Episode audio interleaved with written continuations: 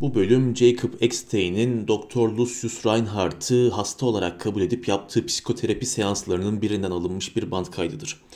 Burada seansın yaklaşık olarak yarısının kaydı vardır. İlk konuşan kişi Dr. Reinhardt'tır. Bu işe neden girdim bilmiyorum ama sanırım nedenlerden biri kocaya karşı saldırı olabilir. Son zamanlarda Lilian'la ilişkilerin nasıldı?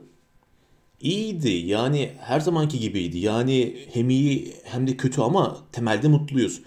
Lil'e karşı bir saldırganlık yaptığımı düşünmüyorum. Yani en azından ben böyle düşünüyorum. Ama kocaya karşı saldırganlık var.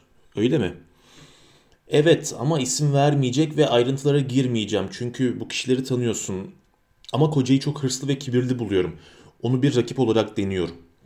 İsimleri saklamak zorunda değilsin. Burada hastalarla tedavi amaçlı yapılan konuşmalar tamamen burada kalır. Bunu sen de çok iyi bilirsin. Olabilir ve sanırım sen haklısın ama her şeyi dürüstçe anlatabilirsem isimlere gerek kalmayacağını düşünüyorum. Ayrıntılar? Evet, aslında sanırım sözünü ettiğim kişileri hemen tanıyacak, kimler olduğunu anlayacaksın ama ben yine de isim vermeyeceğim. Nasıl başladı bu ilişki? Onu izledim. Bir gece kafama takıldı. Evine gittim. Onu yalnız buldum ve tecavüz ettim. Tecavüz mü ettin? Şey, aslında onun da oldukça büyük yardımı, işbirliği oldu tabii. Aslına bakarsan o benden daha büyük zevk aldı bu ilişkiden. Ama orijinal fikir benden çıktı. Ya demek öyle. Şimdi yaklaşık 6 aydır arada sırada buluşuyoruz. Ya kocasının olmadığı zamanlarda onun evine gidiyorum ya da Porto Rico mahallesinde kiraladığım bir evde buluşuyoruz. Ya cinsel olarak tatmin edici bir ilişki oldu bu. Kadın hiçbir şeyden sakınmıyor gibi davranıyor. Sevişmenin pek çok yolunu denedim ama o benden daha çok şey biliyor gibi. Anlıyorum. Kocasının hiçbir şeyden kuşkulandığını sanmıyorum. Demek hiçbir şeyden kuşkulanmıyor. Hayır, adam kendini tamamen işine vermiş. Dünyayı görmüyor. Karısının söylediğine göre iki haftada bir kez yatıyormuş onunla ve cinsel ilişkiden hiç de zevk al- alıyor gibi davranmıyormuş. Ya demek öyle. Bir akşam kadın banyodaki kocasını havlu uzatırken ben kadını becerdim. Nasıl yani?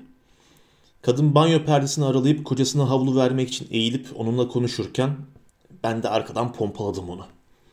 Bana bak Reinhardt sen ne söylediğinin farkında mısın acaba? Sanırım farkındayım. Peki ama...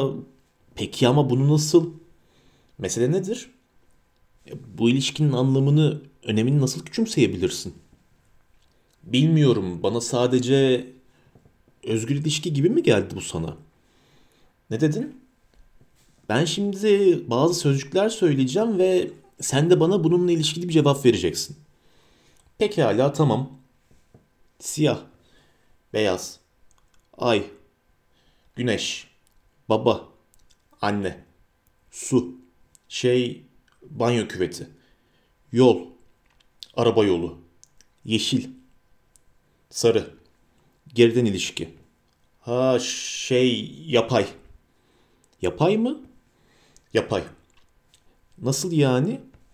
Nereden bileyim özgürce ilişki işte. Peki hala devam edelim. Baba. Kişilik. Göl. Taoe. Susuzluk. Su. Aşk. Kadınlar. Anne. Kadınlar. Baba. Kadınlar. Beyaz. Kadınlar. Siyah. Zenci kadınlar. Peki hala bu kadar yeter. Tam beklediğim gibi bir sonuç çıktı. Ne demek istiyorsun? Banyo küvetinde olan senin babandı. Öyle mi? Açıkça görülüyor. Madde 1. Baba kişiliğiyle ilişkilendiriyorsun meseleyi. Sen bunu bilinçli olarak psikanaliz cümlenin bir sonucu olarak açıklayabilirsin ve o da buna işaret eder. Fakat ilişkilendirme aynı zamanda senin bir kişiliği doğal olarak dişi bir kişiliği babayla ilişkilendirdiğini ima eder. Vay canına. Madde 2. Sen geriden ilişkiyi yapayla ilişkilendiriyorsun ve bunu belirli bir gecikmeden sonra ağzından kaçırıyorsun. Aklına ilk olarak ne geldiği konusunda seni konuşturmak için zorlamak istiyorum. Şey... Hadi konuş benimle. Açıkçası sevişmenin yapay, gereksiz ve konu olduğunu düşündüm. Amacım birini incitmekti. Daha büyük birini. Çok doğru. Madde 3. Geriden sevişme hiç kuşkusuz cinsel sapıklıktır ya da iki, iş, iki eşcinsel iliş, erkeğin ilişkisidir. Fakat madde 4. Göl sözcüğü Tao ile ilişkilendirdin. Senin bilinçli zihnin inkar etse bile Tao aslında Cherokee dilinde büyük baba şef anlamına gelir. Göl hiç kuşkusuz su demektir ve sen de suyu banyo küvetiyle ilişkilendirdin ve bu yüzden büyük baba şef küvette gibi bir sonuç çıktı. Vay canına.